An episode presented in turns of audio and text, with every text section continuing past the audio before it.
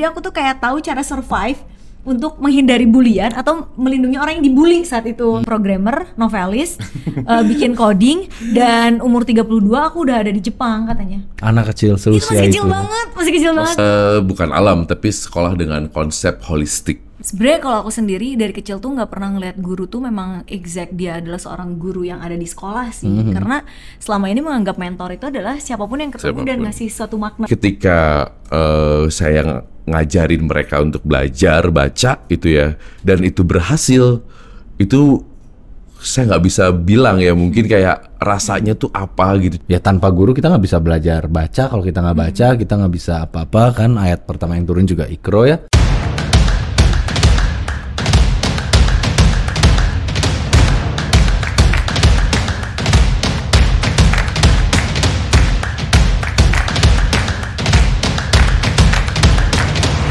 Hai, selamat datang kembali di Potret Podcast Telkom Regional 3 barengan saya Reza Disastra dan episode kali ini kita temanya adalah mengapresiasi profesi guru, Wow. pengajar Hui. yang dibilang juga adalah pahlawan tanpa tanda jasa dan seperti biasa aku pun akhirnya nggak sendiri.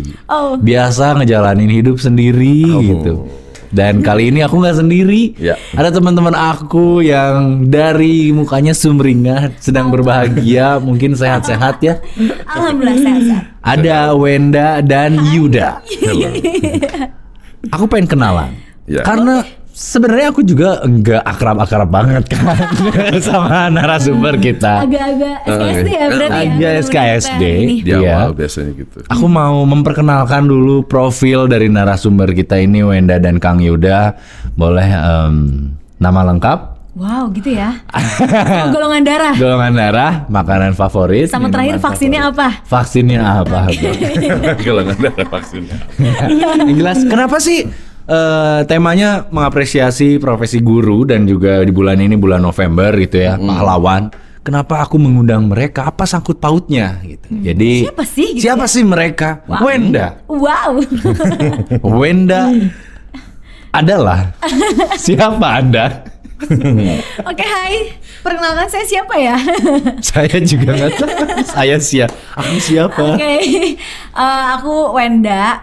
Eh, Wenda Zidah mungkin ya kalau nama IG aku dan langsung nama IG. Eh, jadi kalau misalnya ngomongin tentang profesi sendiri, hmm, aku sebetulnya bergerak di bidang branding consultant. Aku udah 8 tahun eh, ada di dunia itu. Lalu selain itu juga aku biasanya eh, aku punya sekolah anak sih, tapi sekolah anak di sini juga bukan sekolah yang punya gedung, tapi sekolah yang memang kita tuh loncat dari eh, hutan ke hutan. Yang penting di mana ada pohon di situ kita coba belajar dan itu pun terjadi saat waktu aku luang karena kan karena aku kerja juga kan. Terus apalagi ya, sisanya eh, aku seperti kamu suka mengisi-isi voice over. Udah deh gitu Oke. mungkin ya. Berarti bukan pengajar yang resmi official guru bukan ya? Eh, kalau misal official tuh bukan ya, tapi Hmm. karena aku tuh interest banget sama anak kecil dan pengen banget suatu hari nanti punya sekolahnya gitu. Wow, Jadi amin. dari Amin. umur sekarang nih, aku kan masih muda banget ya 30 Hmm. tuh masih muda banget kan. Mudah banget lah. Jadi aku coba bikin gitu loh dari umur-umur sebelum-sebelumnya bersama Kak Yuda juga kadang-kadang dan aku juga masih aku juga punya partner Campar Ceria juga gitu. Akhirnya kita coba bikin beberapa ruang-ruang eksplorasi buat anak kecil supaya mereka juga punya lahan-lahan bermain lah di dunia-dunia yang sebenarnya di sekolah umum tuh nggak ada gitu. Oke, jadi kamu pengen eh, ngasih experience atau ngasih input lain ya untuk Yes. anak-anak kecil dengan cara kamu mengajar Warna mereka. dan rasa lain mungkin ya. Uh, tapi yang menarik itu tuh hobi. Jadi bukan profesi. Kalau ditanya profesi, kamu ada di industri branding, Yes. konsultan Ah, gitu ah, kan. Tuh kalau ngomongin kerjaan aku sebagai akun eksekutif. Jadi sebenarnya nggak ada sangkut paut dengan si anak kecil ini. Nah, tapi itu ada sangkut pautnya sama tema kita pagi. Eh pagi Oh, ini. pagi ini loh. Pagi, siang dan malam kapan pun kamu menyaksikan tayangan ini ya. Kalau Kang Yuda sendiri nih, apakah Ya. eh, sebagai pengajar resmi, guru, pegawai negeri sipil kah atau kepala sekolah mungkin? Enggak. Pawang sih kalau itu Pawang. Bandung. Bandung. Pawang, ya benar Wenda. Jadi eh, kebetulan saya ngajar di sekolah swasta ah, di Bandung. Terus ngajar anak-anak usia dari 4 tahun sampai 8 tahun.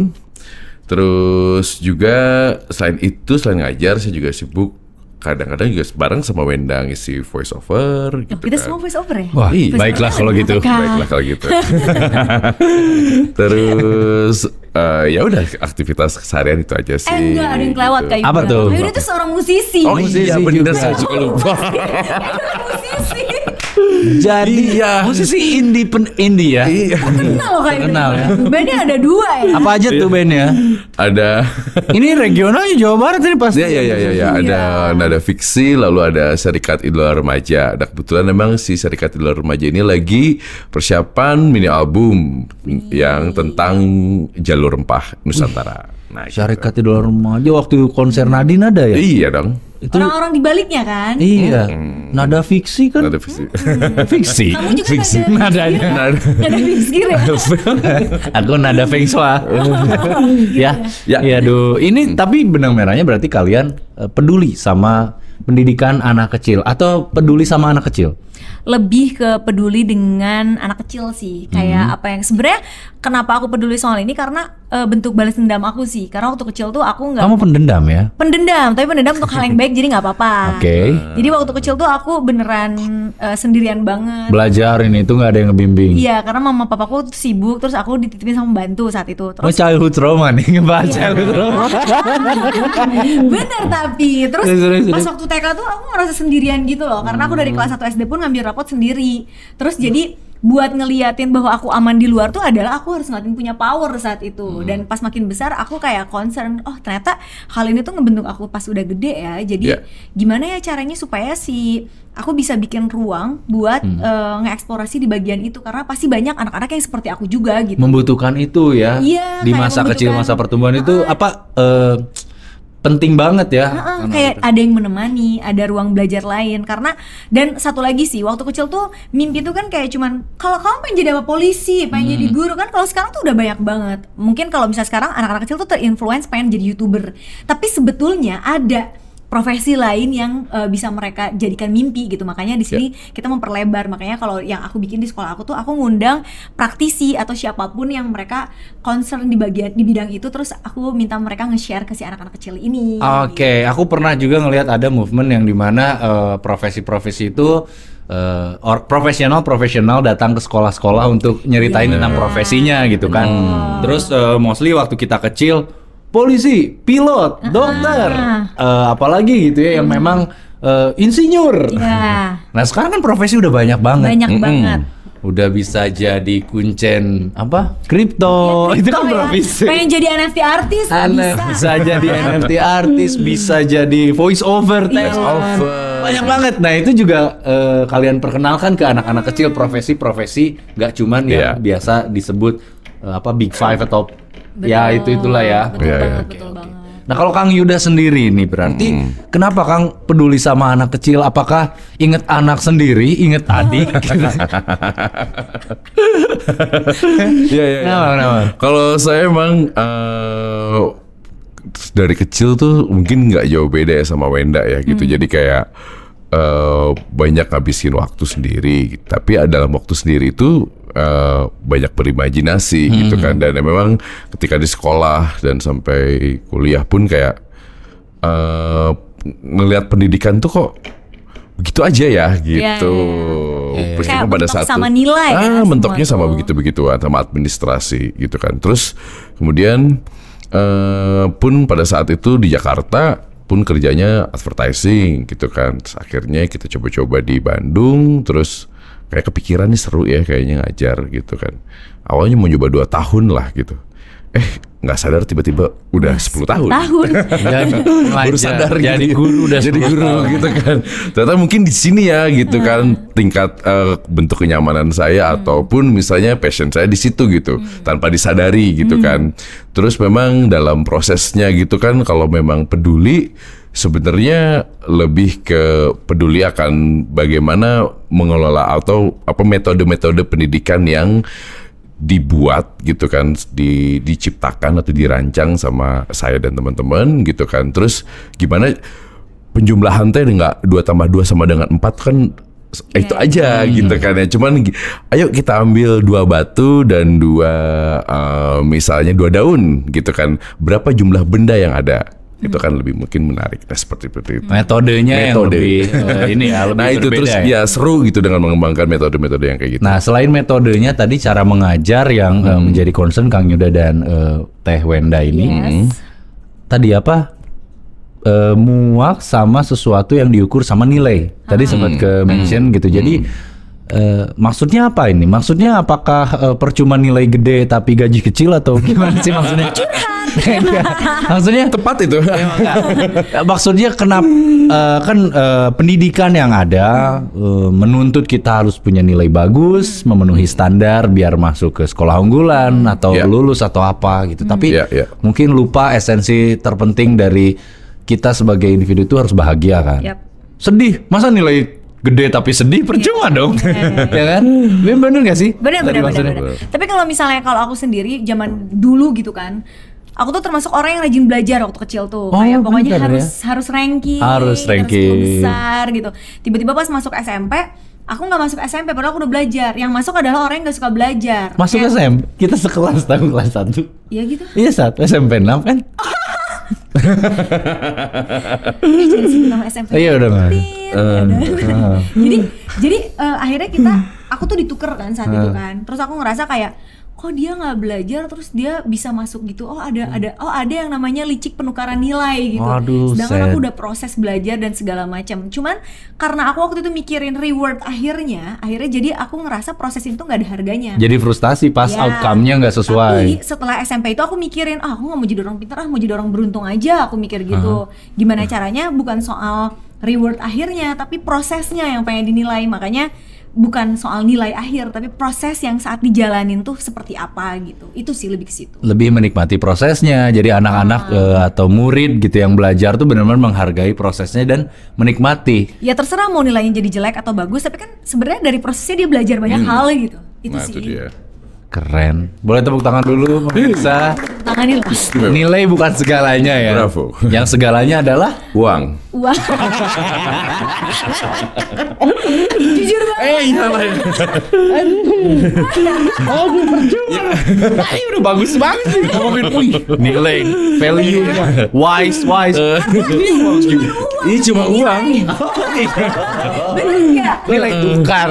Eh, iya. Nilai nilainya. punya nilai Nilai. tukar. Betul. Tapi kan kebahagiaan juga sebuah nilai, menikmati proses juga sebuah nilai yang menurut aku harus dimiliki oleh semua orang. Betul. Ya. Betul. Biar hidup oke. Apa tuh? ya hidup oke aja John John gitu. kan gue jadi lupa mau nanya apa. Yaudah nih tadi. eh, em, tentang nilai ya kayak sama Iya, iya. eh, Um, soal kalian mengajar dengan eh, apa orientasi untuk eh, anak-anak kecil ini mendapatkan apa yang memang sangat dibutuhkan di usia itu. betul Eh, apa berangkat dari pengalaman juga waktu kecil. Hmm, Nah, waktu kecil kan kita juga pernah jadi murid ya. Yap. ya Pasti kita juga berterima kasih dong sama guru-guru yang udah berperan Ya, mendidik kita, membentuk kita jadi eh, punya apa mindset atau pola pikir hari ini. Mm. Yang berkesan nih dari pelajaran di sekolah umum atau di ya eh, cara metode pembelajaran yang ada gitu. Dulu kita ya. hadepin. Kak Yuda dulu mungkin karena Kak Yuda kan SMP-nya 7 tahun yang lalu kan. Baru baru lulus nih Kak Yuda nih. Masih kecil nih. masih, masih muda Tujuh iya iya iya tahun. Masih deket ya baru. Masih kecil jadi. Jadi kalau sebenarnya kalau berkesan ya pasti ada ya Hmm. gitu kan. Cuman kalau spesifiknya tuh nggak begitu ingat gitu. Cuman saya banyak berkesan itu dari belajar itu sama bokap gitu kan. Ayah. Ya sama bapak gitu. Jadi saya inget banget waktu pas hari Minggu itu saya diajakin ke ke tukang burung. Jualan burung. Dia kan jalan burung hari Minggu. Terus eh, pokoknya bapakku bilang gini di jalan tuh, hari ini eh kemarin tuh bapak dapat bonus katanya gitu. Hari ini kita beli burung yang banyak katanya gitu. Oh seneng deh namanya anak-anak gitu kan binatang atau mainan itu kan hal-hal yang oh ya seru ya gitu. Datanglah ke sana terus belilah kita banyak tuh ya burungnya. Terus eh, dibawa ke rumah burungnya gitu dikirain bakal di kan segitu banyak gitu burungnya tuh cuma nggak disangkarin gitu.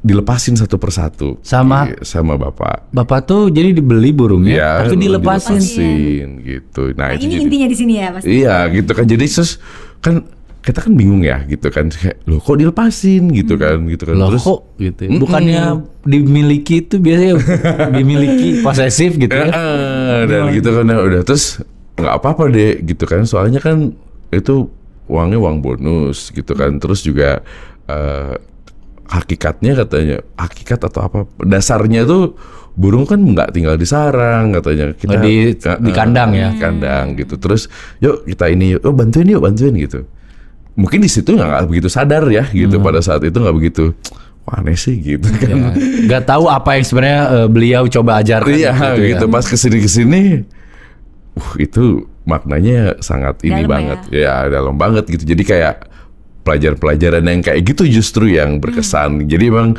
eh, bokap ini emang cukup unik ya buat buat di apa pribadinya unik gitu kan. Jadi kayak selain itu pun kita pernah tuh punya agenda tuh setiap eh, malam eh, sorry hari Minggu pagi itu kita jalan kaki gitu kan. Terus jalan kaki tanpa sendal gitu kan. Terus kita nyoba ngeliatin bintang aja terus gitu. Kita cari tuh bintang yang paling terang namanya apa gitu Seru ya. banget. Heeh, terus sambil nyanyi bintang kecil nyanyi bintang kejora gitu.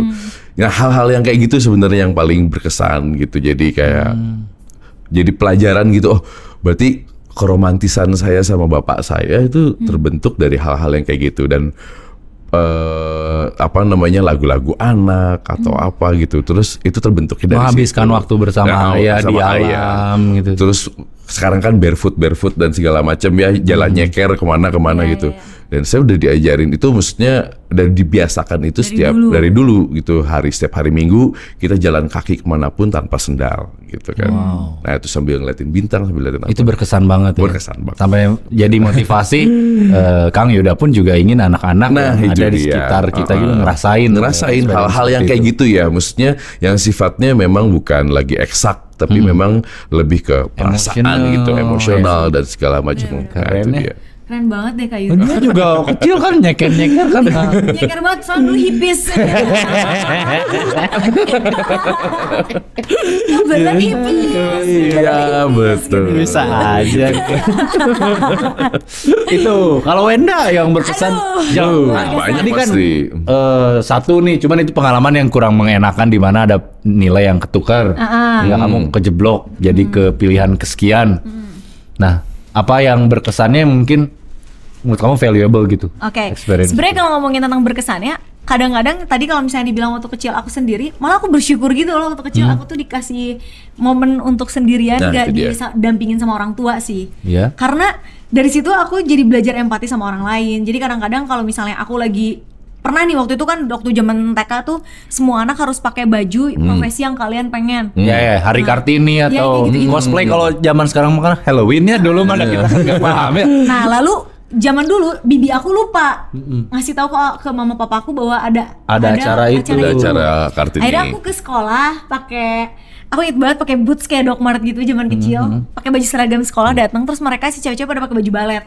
Karena itu profesi Ah, mereka. yang mereka pengen. Terus mereka bilang gini, "Ih kasihan gak ada ibunya," katanya. Ah, ya kamu, ampun. ih kamu jelek banget. So aku kan kesel ya. Nah, aku tuh eh, pas lagi kesel gitu kayak langsung ngerasa bahwa kayak eh eh, bentar, emang emang kalau kalau misalnya dengan ada hal kayak gitu tuh jadi kita tuh nggak diperhatiin ya sama orang tua.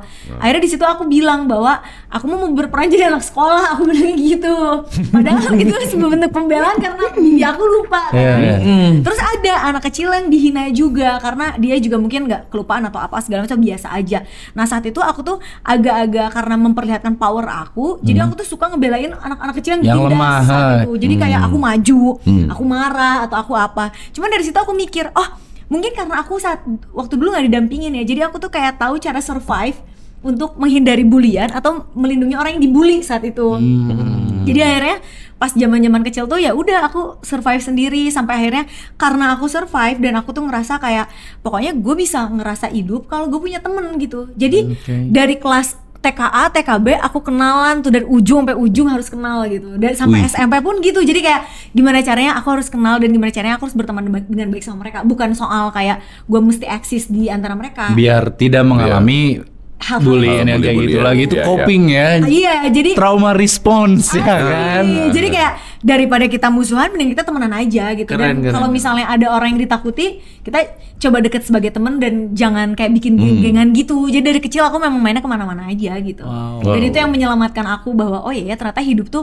soal survive survival Survive. gitu ya semua orang bertahan hidup ternyata aku juga dari kecil udah bertahan hidup ya di sekolah gitu Bener-bener itu keren ya. Maksudnya kayak tadi eh, melihat hal yang buruk gak didampingi orang tua, tapi itu jadi sebuah benefit atau advantage sendiri Iya. gitu. Kesulitan yang Wenda alami waktu kecil bikin kamu beradaptasi di situasi itu dengan lebih humble, Iya. openness gitu ya, Iya, kebuka bener. jadi berteman dengan banyak dalam rangka sebenarnya melindungi Melindungi diri, diri, sebenarnya supaya kayak tidak ngalamin lagi dijahatin sama teman-teman. Iya, bener, bener, Nah. Ini kan cerita-cerita masa kecil yang gak, gak kita lupain atau akan kita bawa terus sampai kita dewasa. Bahkan mungkin sampai nanti kita sendiri punya keturunan atau anak-anak Iya. kecil yang kita didik gitu ya. Se eh, apa ya seberpengaruh itu ya pengalaman waktu kita kecil waktu kita tumbuh belajar. Yap. Se- seberpengaruh itu diajarin sama guru sama orang tua aku juga boleh cerita oh boleh boleh Eh boleh. Oh, eh kamu kalau kamu gimana? Kalau kamu gimana? Pernah kecil kan? Coba, Ade, Coba cerita Ade, dong. Ade dulu. Ade, Ade. Dari mana Ade? Ade. jadi ade tuh dulu SD Oh, SD.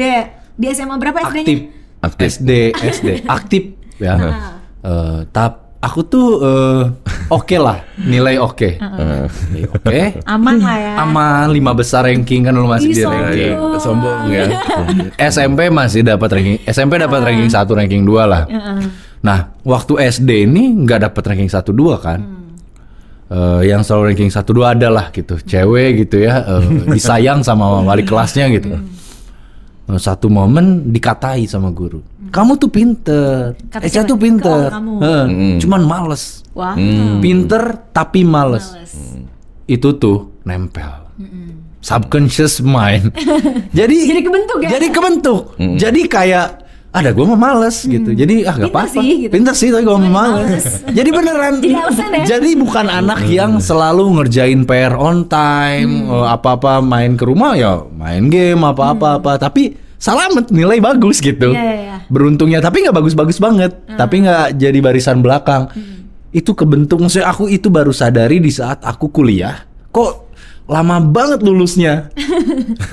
Karena aku males. Aku Iya, males. Aku iya itu. Kenapa ya ini ada yang salah gitu? Temen-temen eh, ku lancar ini ini apa? Ada yang salah dari diri aku yang ternyata kemakan sama eh, Jadi kebentuk ya mentalnya. caregiver dulu eh, guru gitu ya. Berperannya sangat besar banget buat pertumbuhan kita gitu atau bekal kita ke depannya. Jadi bener-bener apa yang namanya ucapan itu berbahaya gitu kan. Words Betul are sekali. powerful, Iya, ya kan? Teman-teman kamu yang ngebully, ih kamu nggak Iya, ini kan kan? makanya bikin kamu jadi takut untuk ada di momen itu lagi survive gitu. Ada pertanyaan selanjutnya? Masa sih nggak ditanya? Punya aja yang inisiatif ya. Iya, eh, boleh, seru ya? nanya, Boleh, boleh. ya, Hmm. Coba, coba, coba. Tapi kalau misalnya ngomong Gak usah dong. Dasar ya? Eh jangan dong, jangan dong. Nanti ah, nanti beda. beda ya, kalau jalurnya beda di bawahnya. Sosok Iya, guru. iya. Ya, oke. Em, di sisi lain kan kita juga eh, sangat berterima kasih ke sosok guru kan. Ya. Misalnya, em, ya tanpa guru kita nggak bisa belajar baca. Kalau kita nggak baca, kita nggak bisa apa-apa kan. Ayat pertama yang turun juga ikro ya. Wow. Jadi baca mati itu ya. penting kan. Kita memang harus belajar baca, kemudian belajar berhitung, ya kan? TK belajar nyanyi dulu sih Iya. gitu kan. Iya. Udah gede belajar mencari untung ya. Nah, eh, ungkapan rasa terima kasih kayak ada nggak sih kayak nge-reflect gitu ke belakang peran guru yang sampai hebat ya guru tuh ngebentuk gue banget gitu. Ada nggak sih?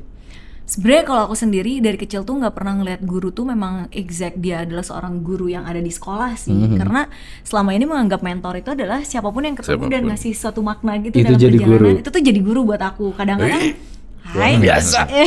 Kadang-kadang aku tuh seneng banget kayak ngobrol sama tukang cuanki atau Hmm. tukang apalah gitu terus pas ngobrol ngomongin tentang kehidupan kayak wah ini Hmm. menarik banget ya buat dimasukin ke dalam diri aku kalau enggak kayak oh ini pengalaman yang berarti banget ya maknanya gitu dan aku menganggap mereka adalah mentor aku yang ketemu siapa pun yang ketemu hari itu itu adalah jodoh mentor aku jodoh guru aku gitu loh Wow, kita bisa belajar dari mana aja. siapa pun Ya, siapa pun Nggak selalu dari eh, profesi guru gitu Iya, kan. jadi kalau pengen ngucapin terima kasih, kayak aku mengucapkan terima kasih untuk siapa pun yang berani, berani dan dengan tulusnya nge-share apa pun yang mereka alami gitu dengan baik gitu buat orang lain. Karena kan sebenarnya eh, ini sih, kalau aku sih selalu mikir adalah hidup itu kan banyak kelasnya ya. Hmm. Kelas Kelas hidup itu banyak kelasnya gitu. IPA, IPS, bahasa. Eh, gitu. bukan kak, kelas kehidupan kan. Misalnya Eca punya punya kelas lain gitu. Iya. Aku nggak mengalami. Wah, fase kehidupan- ini kelas asmara nih. Ya, misalnya. Momen-momen puber kita belajar Misal. banyak tentang asmara kan. Eca cerita nih, aku nggak mengalami, tapi dengan Eca cerita, aku jadi dengar oh Eca tuh belajar ini ya di kelas ini gitu. Jadi ya itu siapa pun punya guru dan punya kelas masing-masing gitu. Jadi intellectual stimulation bisa Oh, datang dari wow, mana aja yes. gitu ya. yes betul. Kalau menurut itu makanya semua tempat adalah tempat belajar. Betul. Nah, Karena dia. hidup adalah belajar. belajar. Intinya memang gitu kan? Hidup memang belajar kan, belajar. Hidup itu belajar untuk bertahan hidup sih. ya itu belajar. Oke. Jadi eh, berterima kasihnya nggak spesifik ke guru. Iya, semua orang sih yang pernah eh, apa Iya. ya hadir dan mengisi banyak makna di hidup aku ya aku berterima kasih untuk itu siapa pun entah dia umurnya masih kecil sudah tua atau siapa pun dia ya aku sangat berterima kasih sih dengan eh, ter- secara tidak sadar petualangan itu bikin aku dengan bentuk yang baru saat ini gitu Apa yang sudah kita lewati itu nge-shape untuk kita jadi Yes, hari ini kan. betul. Gak cuma di pendidikan formal, tapi Iya. informal bahkan obrolan di warung kopi juga bisa sangat bermakna. oh, betul Kalau Kang Yuda ada nggak? Misalnya kayak sosok atau eh, siapa Ya, yang sama ya. ya, saya berterima kasih untuk enggak enggak. Ya bener ya. Jadi nggak begitu hafal ya. Bener-bener banget tadi kayak ke Weda tuh. Jadi sosok guru itu memang itu tadi ya. Karena de- pas di kecil tuh banyak belajarnya. Jadi kayak ada les lalu kayak ada apa TPA belajar Iya. ngaji dan segala macam. Teman bermain main bola terus malamnya nyari jangkrik dan apa pun itu main petak petak umpet gitu kan. Terus cuman itu jadi ini juga ya maksudnya refleksi juga buat Yuda gitu ya kayak saya kan selama ini ngajarin anak-anak kecil kan ya. Terus kan terus eh, kelas 1 dan kelas 2 itu memang tahapan di mana mereka belajar baca gitu kan. Nah bener tuh saya ngereflek banget ya. Jadi ketika eh, saya ng- ngajarin mereka untuk belajar baca itu ya dan itu berhasil itu saya nggak bisa bilang ya mungkin kayak rasanya tuh apa gitu. Cuman saya pernah terbesit gitu oh ini yang dirasain sama guru saya mungkin ya waktu pada saat itu ya gitu. Artinya materi atau pembelajaran yang disampaikan sama mereka itu bisa diserap dengan baik gitu kan. Dan saya ngerasain ini sekarang gitu kan. Jadi kayak kebayang lah ya belajar baca gimana ya. Maksudnya IB ubu gitu misalnya atau dengan uh, gambar ada tulisan uh, huruf I B U gitu dengan cara apa pun gitu. Dan saya oh, mencari banget gitu metode yang kayak gitu sampai sekarang gitu. Dan sekarang ngerasa banget ketika eh, mereka bisa belajar baca tuh dan itu rasanya penuh banget ya itu nggak bisa iya di ini bisa belajar baca Iya, nah itu dia. Karena itu pencapaian sih buat Itu guru-guru pencapaian kelas- guru tuh Iya, ya. Bener-bener gitu. Pencapaian guru-guru kelas 1 SD itu memang bener-bener itu ya. karena beratnya di situ ya mengenal Berat banget, mengenal kan, berat banget. mengenal ah. guru. Karena itu Makasih kan ya ibu Uh-uh. guru, bapak guru yang udah Nah, Sudah itu sabar loh. Sudah sabar, Udah sabar. gitu kan. Kan ada tuh yang eh, belajar banyak. Dodi. Dodi. Susah ya. Iya, Wah, itu, ya. Tapi puas banget berarti di saat ada banget, anak didik yang Ya, sanggup ya, ya, ya, ya, ya. achieve Karena, bisa ah, betul. baca gitu. Maksudnya untuk bisa ke arah situ tuh eh, nggak cuman, nah ini balik lagi ya, nggak cuman kita bela- rajin belajar gitu, karena di situ juga ada pola asuh, lalu bagaimana eh, di mana dia dibesarkan gitu, lingkungan gitu kan, terus Nurture, nurture ya. Nah, kemampuan dia menyerap eh, informasi dan segala macam. Jadi nggak adil rasanya ketika cuman kalau kita misalnya anak yang umur lima tahun, oh dia udah bisa baca, oh itu pinter. Iya. Nah, Oh tidak seperti itu seperti takarannya. itu, ya. Jadi memang masing-masing beda-beda, orang, ya. nah itu dia masing-masing orang tuh punya gitu punya porsinya masing-masing. Jadi eh balik lagi kata Wenda tadi proses kita benar-benar harus menghargai itu. Oh, itu Nah, dari dari setiap prosesnya. Jadi kalau ngeliat Wenda sekarang kayak gini, oh ternyata saya jadi tahu masa kecilnya dia tuh seperti ini ya. Yang dibentuk sekarang sama Wenda mirroringnya dari Iya. zaman sekarang dan waktu kecil gitu kan. Mungkin saya pun seperti itu. Terima Mungkin juga kasih kayak atas peri-peri yang sudah dilalui.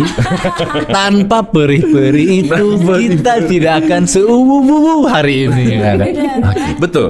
Betul. Ya, itu sepakat banget. sepakat itu belajar ya. Nah, em, sekarang eh, aku pengen kenalan sama sekolah yang memang eh, lagi dijalani oleh Kang Yuda sebagai pengajar Ya. dan mungkin eh, rencana atau memang sampingan Wenda juga sekolah yang tadi apa? Camar ceria. Camar ceria ini yang lagi dijalanin gitu. Boleh mungkin dari Kang Yuda nih. Kemarin Ya. aku sempet apa? eh, kenapa aku pengen ngobrol sama Kang Yuda karena Instastory-nya sering anak-anak kecil, tapi banyak jumlahnya kan nggak mungkin anak dia kan sebanyak itu. Komunitas ya. Dia kan nggak Iya, iya. semacam kayak brojol banyak gitu, enggak kan? Anda bukan lebah atau semut kan? Nah, Anak-anak yang ada di story-nya Kang Yuda itu tidak Iya. punya ke apa kegelisahan seperti itu nampaknya. Emang sekolah apa itu? Wow, sekolah apa itu? Sekolah apa Apa itu? Jadi nama sekolahnya tuh Umasa. Instagramnya tuh kami Umasa, double M. M-nya dua ya? Ya double M. Umasa. Itu arti itu diambil dari nama pahlawan yang ada di Bone atau di Sulawesi. Hmm. Itu jadi pandai orang pananya lah kalau di istilah kita. Jadi nanya apa pun ke pahlawan Ke itu dia. serba tahu. Om Google-nya. Google ya. Google dulu ya. pada Google saat pada itu ya pada Umasa itu. tuh. Umasa itu pahlawan Umasa jadi sekolah itu tuh di, eh, lokasinya tuh di Cibanteng Jati Handap dari Jati Handap tuh ke atas lagi sedikit Di Cicahem. Berarti Cicahem lagi jauh. Ke atas lagi jauh gitu terus eh kita di sana belajar umum gitu sebenarnya ada matematika, sains, bahasa dan segala macam. Cuman yang dibalutnya itu dengan konsep perkebunan. Artinya merespon eh, geografis yang ada di sekitar gitu. Jadi karena di situ kebetulan banyaknya perkebunan, jadi kita memang eh, banyak mengajarkan hal-hal tentang metode berkebun, terus tentang konsep tauhid gitu kan, tentang tentang eh, penciptaan dan segala macam. gitu. Nah itu sih sebenarnya yang saya jalanin di tahun ini gitu. Eh, Ya. Tapi itu sekolahnya terdaftar di apa eh, de- kepa- apa Kementerian Pendidikan gitu atau gitu ya. Ya, karena kalau biasanya sekolah baru itu nanti baru akan dilihat itu nanti di tahun ketiga atau tahun kelima biasanya. Oh, Ini ini tuh baru tahun ke Tahun ke satu. Oh, tahun ke satu. Iya, Lagi. baru 2020 kemarin. Oke. Nah, Jadi eh, mereka apa ya namanya? Penuh waktu ya sekolahnya maksudnya bukan yang mereka sekolah formal terus pulangnya sekolah di sini enggak Oh, ya? enggak. Memang full ini adalah full sekolahan tapi di alam. ya, dari setengah sembilan sampai jam satu. Sekolahnya bagus banget. Bagus banget kayak agak semi Jepang gitu ya Ya, bangunannya. ya, ya. Oh, di alam-alam biayanya mahal nggak sih anak-anak ini sekolah di sini kan biasanya kan gitu. Nah itu tadi kalau anaknya pada bahagia, mungkin orang tuanya pada gini. Tapi nggak nggak nggak. Maksudnya eh, kalau namanya ngomong biaya pendidikan itu kan kayak relatif ya, gitu kan. Apa yang kamu bayar itu yang kamu dapat gitu kan.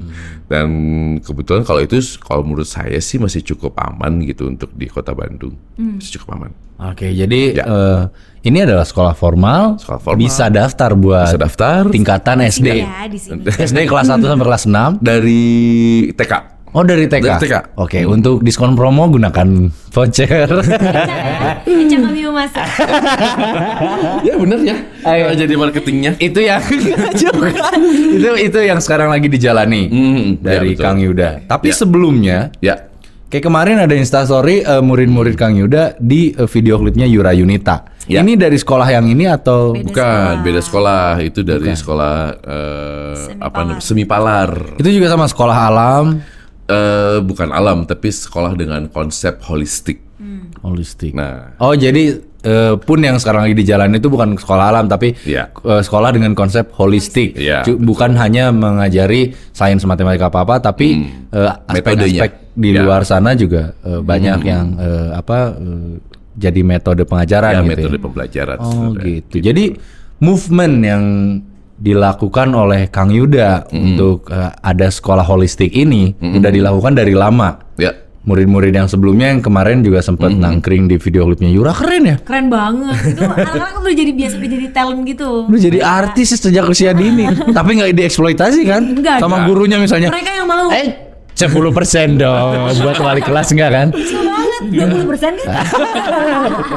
Oke. Malah enggak. Ah, Iya. itu karena eh, seperti yang tadi dibahas di awal kebutuhan eh, pendidikan itu nggak cuman yang biasa kita ajarin banyak hal yang dibutuhkan juga anak-anak mungkin itu Ya, ya. motivasinya ya. Oh, kalau Mbak Wenda, Mbak Wenda ya. aku emang kalau manggil cewek itu gak konsisten. Oke. Kadang teteh, kadang kakak, kadang wen, kadang mbak gitu. Ya. Kadang nama langsung. Kadang nama langsung. Oke. Yang lagi diajarin sekolah ini apa? Sekolah Camar ceria. Camar Camar Ceria kan? Iya. Camar ini warung makan kan di Bandung. itu cemar ya. Cemar. Kebayang nih. Kesebut. Enggak dong. Camar ini Camar burung. ceria. Burung. Burung camar. Ceria ya ceria. Ya, Kenapa camar ceria? Oke, jadi kalau camar ceria itu sebenarnya bukan sekolah. Tapi Kita bilang karena kita tidak eh, kalau Hmm. Kayuda kan tadi sekolah yang berbasis holistik gitu. ya Nah, kalau memang ada tuh- jam pelajarannya, ada gurunya, datang ke lokasi. Kalau aku tuh nggak bilang sekolah karena aku memang pengen jadi halaman bermain aja. Karena kalau eh, pusing-pusingnya di sekolah, mainnya sama kita aja. Oh. Oke. Kegiatan after school. ya. Iya, kegiatan after school atau mengisi akhir pekan, Akhir pekan, itu iya. bareng sama si Camar Ceria. Nah, kalau Camar Ceria sendiri sebetulnya eh, aku tuh awal eh, bikin ini tuh udah tiga tahun yang lalu sebetulnya. Bareng partnerku ada Niki namanya. Lalu ada juga di dalamnya masuklah beberapa tim lainnya gitu. Nah kalau si camar ceria ini sebenarnya eh, bentukan ruang belajar yang sangat eh, impulsif. Karena aku tuh suka banget anak kecil dan dari kecil tuh punya cita-cita jadi guru TK gimana nih cara bikin gitu kan? Ya udahlah kalau gitu aku coba deh bikin satu event. Aku tuh, tuh di challenge sama partnerku ini si Niki.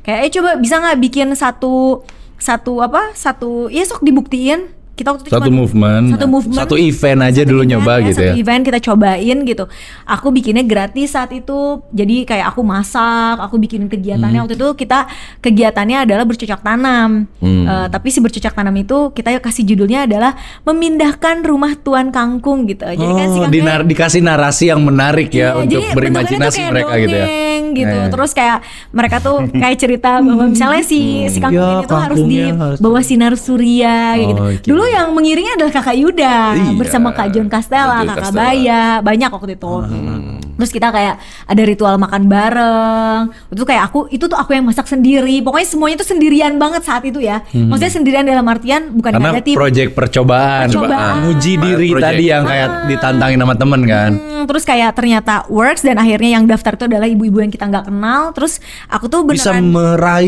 itu ya, Iya. strangers misalnya Bener, ya. strangers banget dan saat itu aku minjem tempatnya di Pagerwangi Dom kayak minjem aja pokoknya pokoknya aku selalu mikir karena camar itu adalah burung, burung itu selalu ada dekat pohon. Jadi aku pengen semua pelajar eh, semua kegiatan itu ada di bawah pohon. Iya. karena si pohon ini adalah satu salah satu karakter di dalam si camar ceria jadi camar ceria itu ada ceritanya sebetulnya. Oke. gitu. Nah terus akhirnya mulailah si camar ceria satu camar ceria dua camar ceria tiga sampai yang yang paling yang paling wow itu tuh Wow. Eh. yang pas drama musikal kita Drama bareng-bareng. Jadi kita tuh pengen banget nge-educate si anak-anak kecil ini ngomongin tentang eh, global warming ya, kayak membuang sampah ke laut. Tapi kan kayaknya terlalu kayak jangan membuang sampah ke laut itu Oh, kayak itu terlalu kaku ya terlalu kaku dan jangan kayak kayak sesuatu hal yang tidak boleh gitu. Ah. Akhirnya kita coba eh, bikin eh, waktu itu seneng banget yang daftar tuh kayak sekitar 27 anak. Hmm. Cuman kalau ini berbayar karena kan kita harus kayak bikin workshop selama satu bulan kan.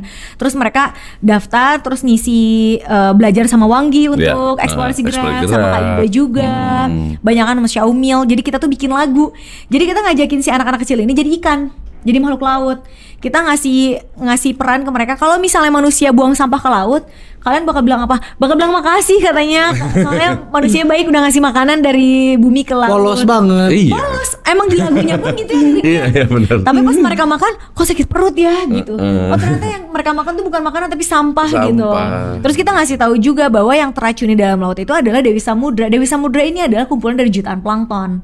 Jadi kan kalau plankton itu nyala kan dalam laut. Nah kita memperagakan si Dewi Samudra ini redup warnanya karena udah kena Ah, sampah. sampah. Jadi akhirnya si makhluk-makhluk ikan ini semuanya eh, gimana caranya cari manusia si penyelam saat itu untuk eh, mengkomunikasiin ini ke orang-orang di darat, terus untuk mengangkat sampahnya. Jadi pasti sampahnya keangkat, Dewa Samudranya terang, deh. Dan itu yang menyenangkan adalah waktu itu di acara di New Art, kayak nggak nyangka ya kayak udah ya, yang datang kayak 450 orang, nggak tahu nggak dikenal, penuh banget terus kita- Banyak. banyak banget Terus kayak itu, itu nangis kita sih nangis Wah, banget. itu pecah sih. Karena nggak nyangka cuma Iya. sebulan ya kita Iya. bikin acara itu. Wow, ya. Gitu. Gimana caranya eh, mengajarkan sesuatu yang kompleks untuk anak kecil Ah. gitu, tapi mereka bisa fun mempelajari itu dan nilai-nilainya sampai gitu yang mengajarkan global warming coba. Bisa kan kan kayak kalau yang standar-standar ya kan ya misalnya kan kita yang standar-standar eh jangan buang sampah gitu Ya, kan ya, ya. atau abisin nasinya nanti nangis gitu nanti nasinya nangis yang kayak gitu-gitu ya seru anak kayak kecil gitu. Dan saat abis beres itu ada beberapa ibu-ibu pada nanyain kak mau daftar sekolah? Terus aku bilang aku bukan sekolah bukan sekolah. bun. Ini Ini kita mah cuman main-main aja. movement yang luar biasa berhasil ya sekolah aja. Alhamdulillah. Alhamdulillah. next bikin lagi ya pasti Bikin ya keren keren. Nah Harus tuh. kenapa eh, mungkin tadi sebenarnya udah sempat kejawab pertumbuhan anak kecil itu penting banget usia balita atau eh, itu membentuk karakter dewasanya gitu. Iya. tapi kan eh, pendidikan juga ada usia remaja atau SMA puber kayak aku sekarang kan lagi masa puber gitu. Oh iya, lagi bukan berarti suara ya? iya. Kelihatan baru jerawatan. iya tuh nih gitu. Kan bukan berarti aku juga nggak butuh pendidikan.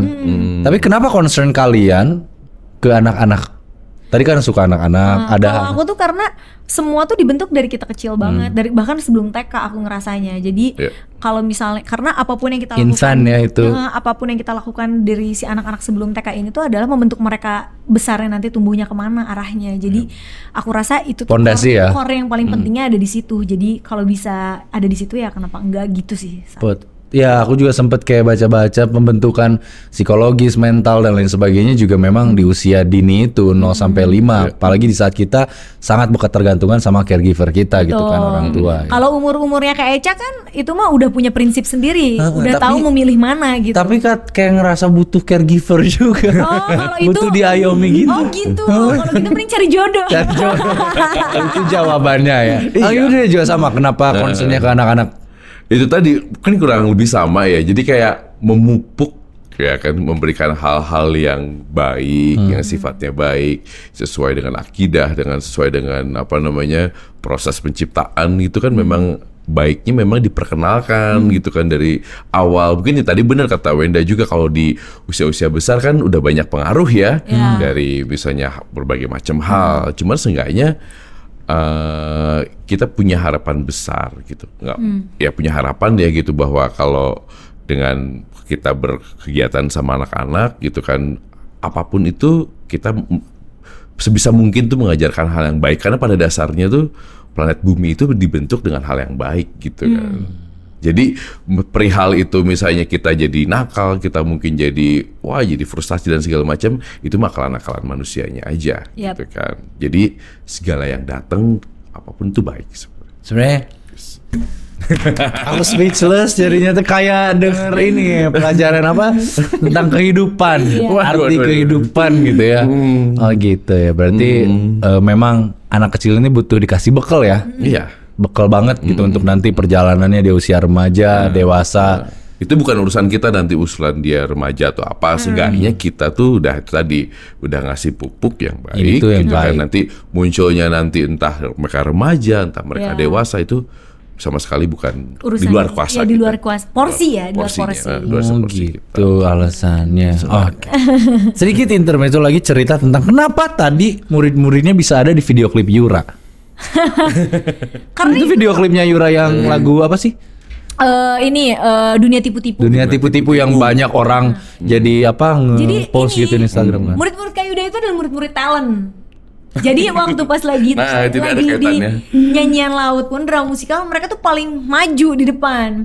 Berperan. Anaknya tampil banget. Tampil semua anak Confidence-nya udah sangat kebentuk berarti ya dari usia dini itu keren loh. Iya, itu murid-murid Kayuda yang dulu karena mungkin aj- eh, aku sih waktu pas ngeliat kurikulumnya Kayuda saat mengajar di Semi Palar kayak wah ngaco masa pulang sekolah mereka minta disko. Kayuda, ayo disko katanya. Aku ada di situ karena waktu itu aku lagi ngebantuin mereka kan. Terus kayak terus eh, dijemput kan sama bapaknya. Ayo pulang, bentar ayah aku disko dulu sama Kayuda Terus mereka tuh ngelempar tas, terus mereka tuh joget-joget. Tapi setelah mereka menjawab pertanyaan di kelas gitu. Lucu aja sih itu kayak hal-hal yang mereka tuh udah terbiasa aktif, nampil. nampil, Nampil. dan confidence pun juga ini dibentuk di usia dini juga loh. Nah, Saya iya. di pengucilan Betul, atau eh, apa namanya nggak hangat di rumah atau dia selalu sendiri waktu balita kan bikin di saat sudah dewasa juga dia nggak punya percaya diri, susah berteman, jadi ansos atau apa ya lebih eh, Ya lebih ngerasa song sendiri misalnya. sendiri Terus misalnya ada kayak gitu. ada gitu ya Iya iya iya. beruntung lah ya biasanya kan mereka yang cowok itu jadi lebih banyak teman kan kalau lebih banyak teman iya kan iya nggak sih Iya. anak-anak kecil yang berani tampil itu jadi Kenapa lebih coba sih anak-anak itu jadi talent? Karena gurunya juga talent. ah Oh iya. Gak aneh kan? iya Bener ya? Ya gurunya talent ya muridnya juga jadi talent semuanya.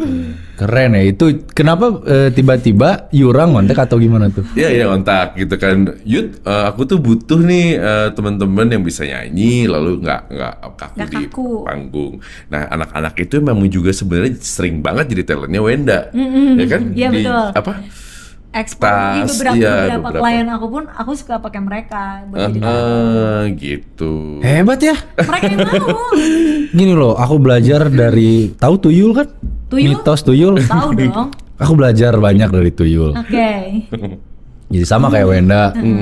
Masa kecil aku orang tua sibuk kan. Aku harus survive, harus mandiri. Aku belajar dari tuyul. Oke. Di ucil ya. Dari tuyul. Tuyul dari kecil udah jago Jago. cari duit. Gak nyusahin orang tua. Oke fine. Di situ aku banyak eh, apa melaku, menghabiskan waktu dengan hobi apa pun yang sampai di saat aku udah dewasa ini bisa menjadi profesi buat aku. Jadi aku nyusahin orang tua karena ya itu tadi trauma. Ini orang tua kenapa sibuk? Karena uang. Oke. Manis. Tuyul juga. Iya, jadi gini. Oke, uang nggak akan lagi jadi masalah. Jadi kalian ada buat gua. Iya. iya. Nggak nggak sih kayak Iya, iya, iya. eh, re- responnya dari aku gitu. Udah, gue gue tuh butuh kalian gitu Iya, kan iya, untuk iya. ada gitu. Gua pulang sekolah teh ada gitu makan siang apa. Oh aku belajar jadi tuyul jadi oh, oke gue harus strong harus mandiri dari kecil harus pintar cari duit itu anak sekolah anak didik juga dari kecil udah jadi Iya, talent ya Jadi talent. hebat filosofi tuyul Tapi kalau misalnya kalian nih punya episode nextnya pengen ngundang anak-anak kecil, mereka bisa diundang banget. Bisa ya? Sangat Iya, bisa. bisa Karena kalau ditanya nih ada anak umur Jejet berapa tahun ya? Berarti 9 10. 9 10 ya, kelas 3 SD ya. Iya.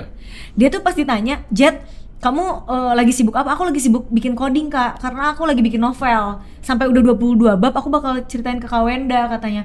Terus, ya aku sekarang lagi fokus bikin coding. Lah emang Jejet mau ngapain? Udah gede? Aku tuh aku bakal pindah ke Jepang kak. Aku bakal jadi program programmer novelis eh, bikin coding dan umur 32 aku udah ada di Jepang katanya. Anak kecil itu masih seusia kecil itu. banget masih kecil banget ya kayak aduh cimit banget. Keren, keren. Giginya juga masih ompong. Jadi fa jadi berpikirnya lebih apa ya? Jadi lebih berani menantang diri untuk Iya. bermimpi yang tinggi jadinya. Dia tuh seberani itu untuk mempromot dirinya juga sih kan itu ya yang membatasi diri kita biasanya dari kecil jadi pesimis gara-gara ya itu nggak adanya support nggak Iya, adanya iya. teman nggak ada sekolah ketemu orang-orang yang sehebat kalian.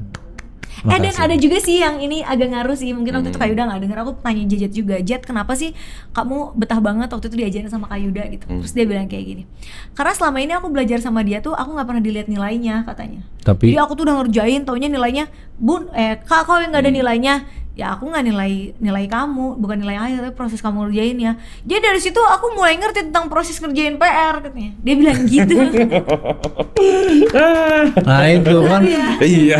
coba yang kita anxious kan Wah. dulu zaman sekolah tuh. Nilai jangan dipukul.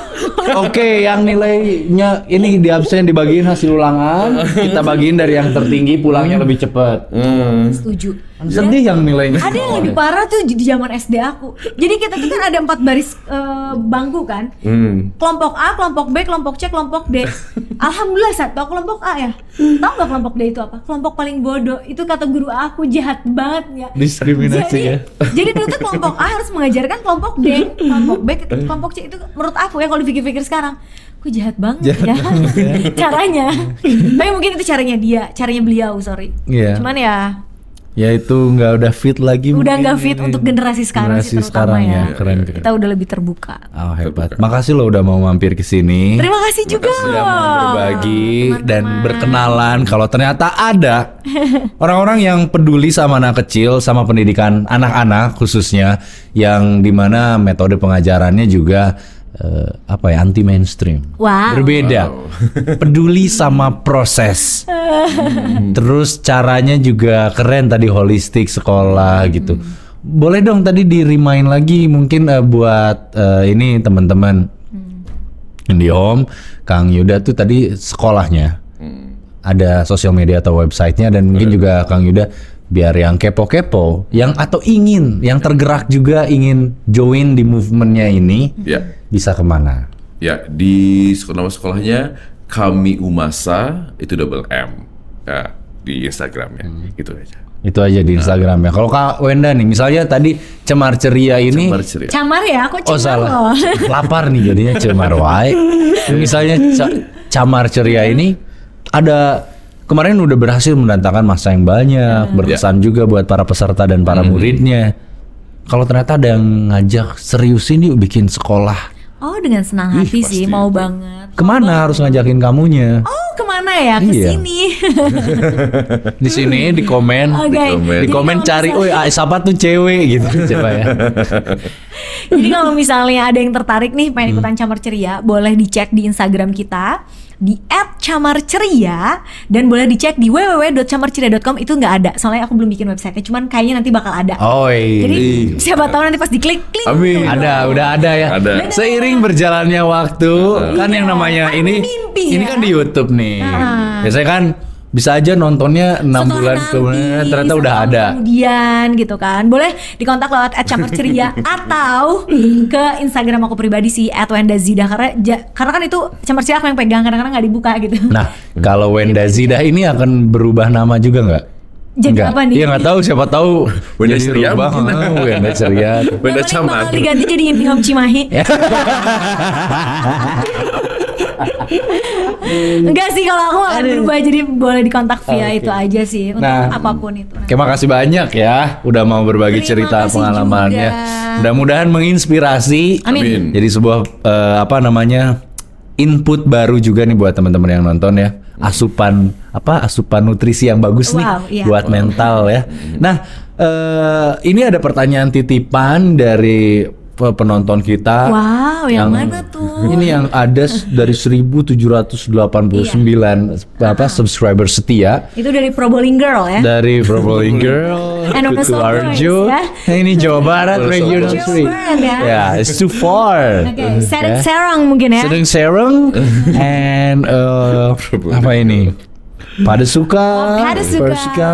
Ini da- daerah kalian nanyanya eh, mereka ngira kalian berdua nih guru. Guru Hmm. dalam artian memang guru kan. Bang Yuda ngajar, gitu kan. Kalau Wenda itu ternyata guru adalah hobi, Iya. Iya. adalah passion.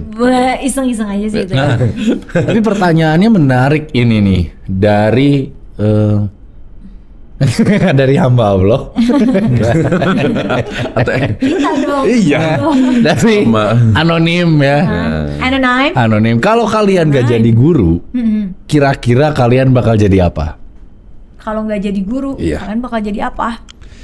If there's any eh, dan eh, apa semesta lain gitu. Oke, kayak udah mau jadi apa tuh? Beda dulu deh.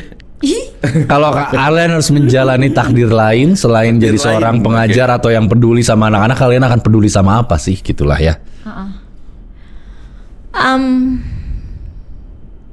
Pencinta hewan, enggak sih. Eh, pen- Bukan gak cinta hewan ya, cuman kayak peng- pem- pembela hewani, pembela ke- ke- kehewanian, nabatian. kenabatian atau tumbuhan akan lebih menjadi pembela tumbuhan. Kalau misalnya tidak melakukan itu, aku kayaknya bakal jadi Ayo. apa ya? Aku bakal jadi Kan biasanya kadang ada ya, what if, what Oh if. iya, aku sih Ah, sebenarnya kalau mimpi lain ya aku mah pengen jadi petualang aja sih. Petualang. Petualang aja, aku bakal loncat-loncat ke setiap kota, daerah, negara, terus aku bakal belajar masak, terus aku bakal ketemu sama beberapa anak kecil, aku bikin acara di situ mungkin. Loncat lagi, loncat lagi.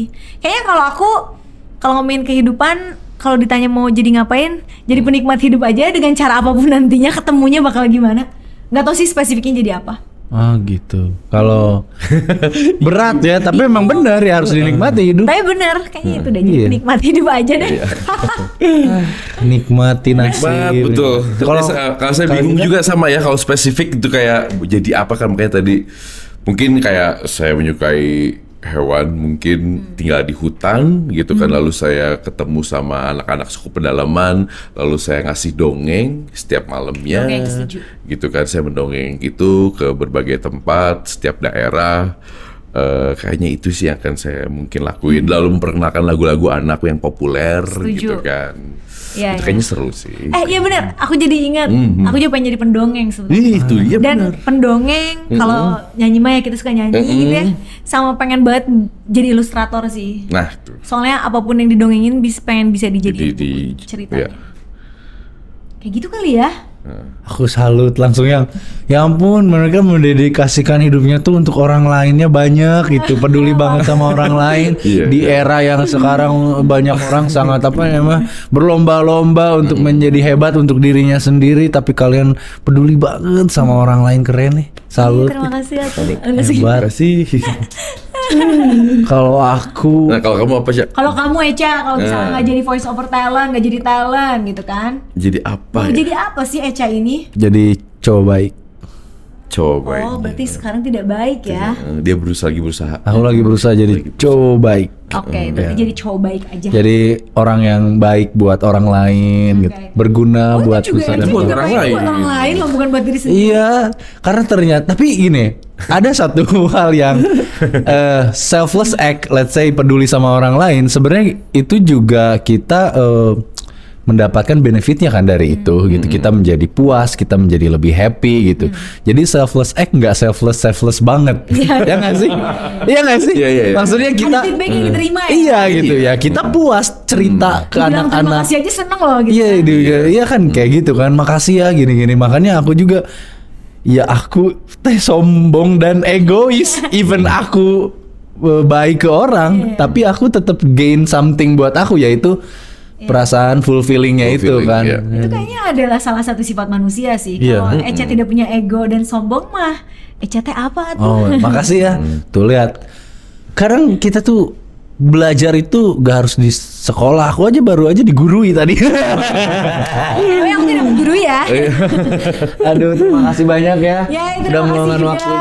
Terima kasih terima kasih Indihome. Yo, jangan Iya, lupa terus pantengin kita di IndiHome Jabar on YouTube dan juga Spotify. Follow Instagram @telkomjabar. Boleh follow Instagram aku juga @rzhdisastra, Reza Disastra. Wow, wow, wow. Nulisnya disatuin, jangan dipisah ya kan.